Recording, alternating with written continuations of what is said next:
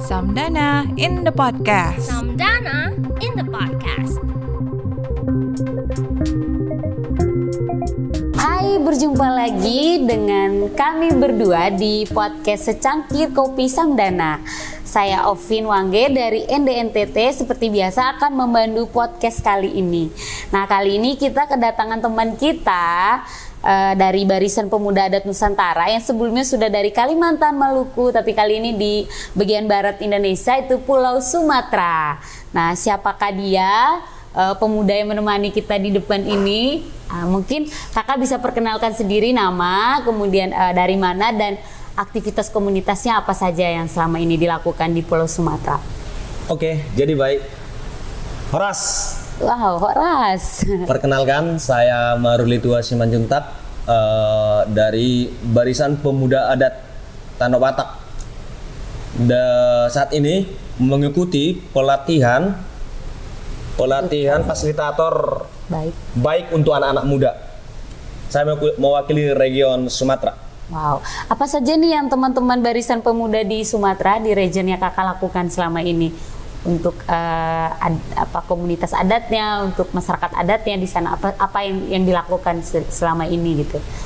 Oke, untuk yang kita pemuda adat di Tanah Batak sendiri lakukan sebenarnya menurut saya sudah cukup banyak sih.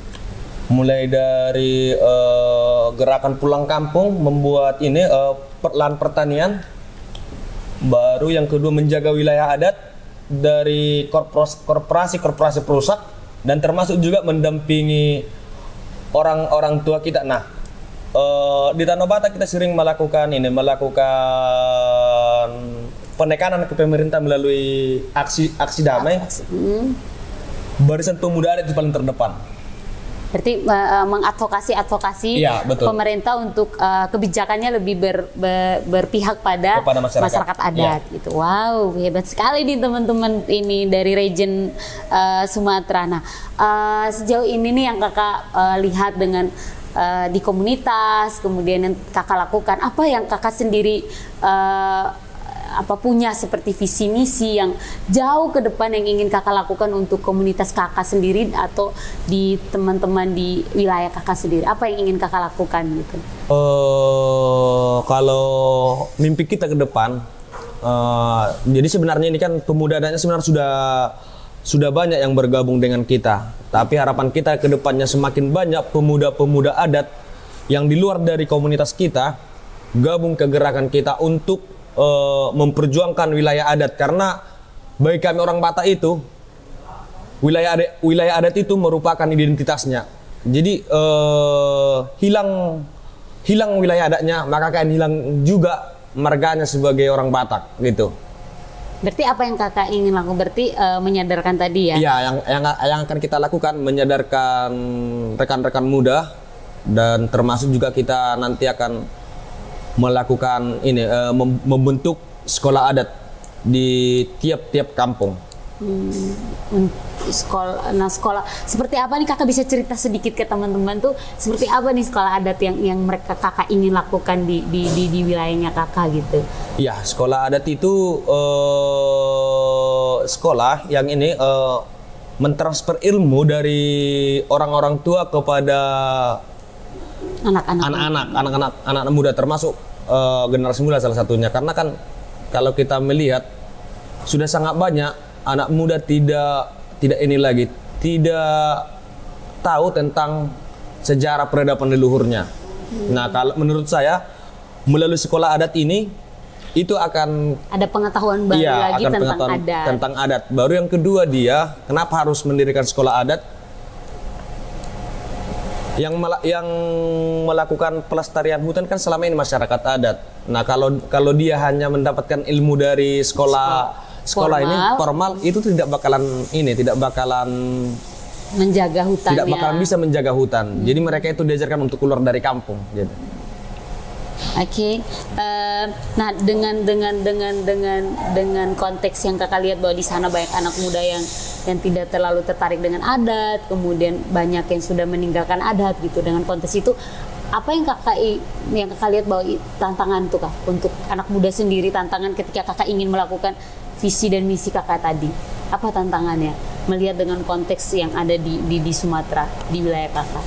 Eh, tantangannya Apakah itu yang dari diri kakak sendiri ataukah yang dari dari keluarga? Apakah mungkin dari dari dari apa lingkungan masyarakat? Apa yang yang Jadi kalau tantangan dari untuk diri kita sendiri sebenarnya sudah sudah ini sudah sudah selesai lah ya.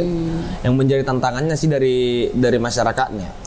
Jadi sampai saat ini masih banyak masyarakat yang ini ketika kita mengajak untuk untuk belajar terkait terkait pendidikan-pendidikan itu tadi, mereka menganggap kita oh ka- kok kamu mundur lagi ke ke zaman dulu gitu. berarti kolot ya, Iya. kembali ke Ah, pemikiranmu itu kolot, jangan kau terapkan di sini katanya gitu. Berarti Itu merasa bahwa adat itu berarti kalau bicara soal adat berarti kita akan jadi manusia yang lebih kuno dong. Iya menurut modern. menurut mereka. Berarti itu tantangannya sering kakak. Nah kira-kira nih kalau yang seperti itu yang kakak hadapi itu apa sih yang kakak lakukan gitu sehingga teman-teman apa kakak juga bisa menghadapi yang yang anggapan-anggapan itu gitu.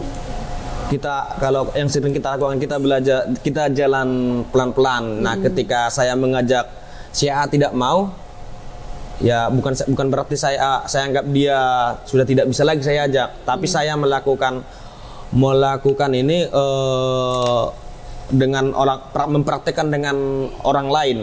Nah, dari sini dari dari sini nanti dia bakalan belajar. Jadi terakhirnya dia ikut gitu.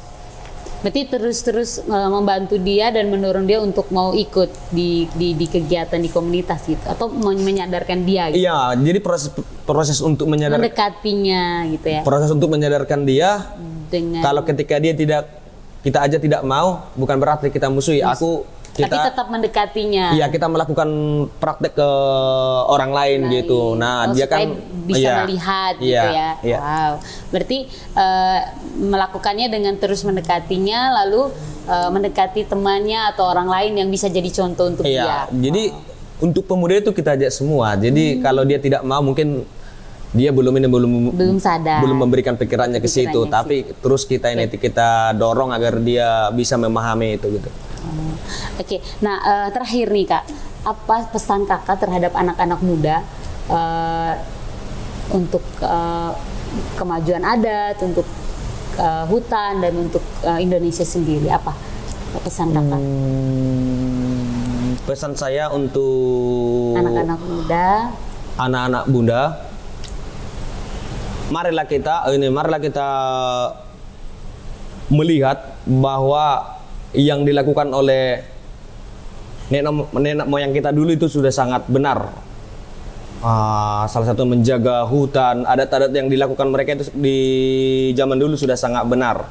Jangan kita ini, jangan kita jadi eh, kan itu sebagai sesuatu yang kolot dan Iya, ya. jangan kita beranggapan bahwa kegiatan yang sedang kita lakukan kolot. Kita bisa mengikuti mengikuti zaman, tapi jangan sampai meninggalkan budaya. Wow. Keren sekali Karuli. Pesan dari Karuli tadi, kita boleh mengikuti zaman tapi jangan sampai meninggalkan budaya. Terima kasih Karuli untuk Samdana sharingnya. in the podcast. Samdana in the podcast.